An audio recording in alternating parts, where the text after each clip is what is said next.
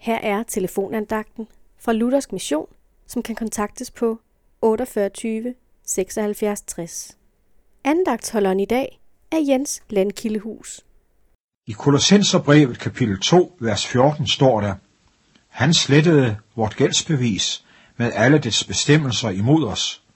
Han fjernede det ved at navle det til korset. Et gældsbevis kan sammenlignes med et pantebrev. Det taler om en gæld og om ydelser, der forfalder til betaling. Det fortæller om gældens størrelse, hvem skyldneren er, og hvem man skylder noget. Bibelordet sagde, at gældsbeviset var imod os. Det taler om vor gæld, vores syndegæld over for Gud.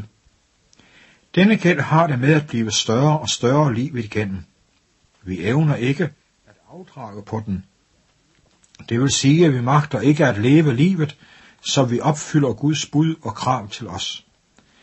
Men der var en, der fjernede og slettede vort gældsbevis. Det var Jesus.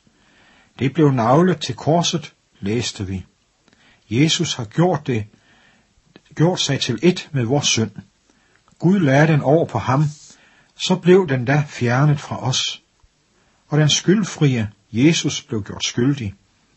Vores sønder blev skrevet på ham. Han blev gældsbeviset, der navledes til korset.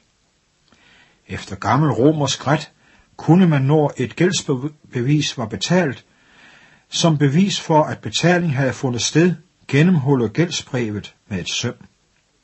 Jesus, vort gældsbrev, blev gennemboret, da han navledes til korset. Gælden er betalt. Amen.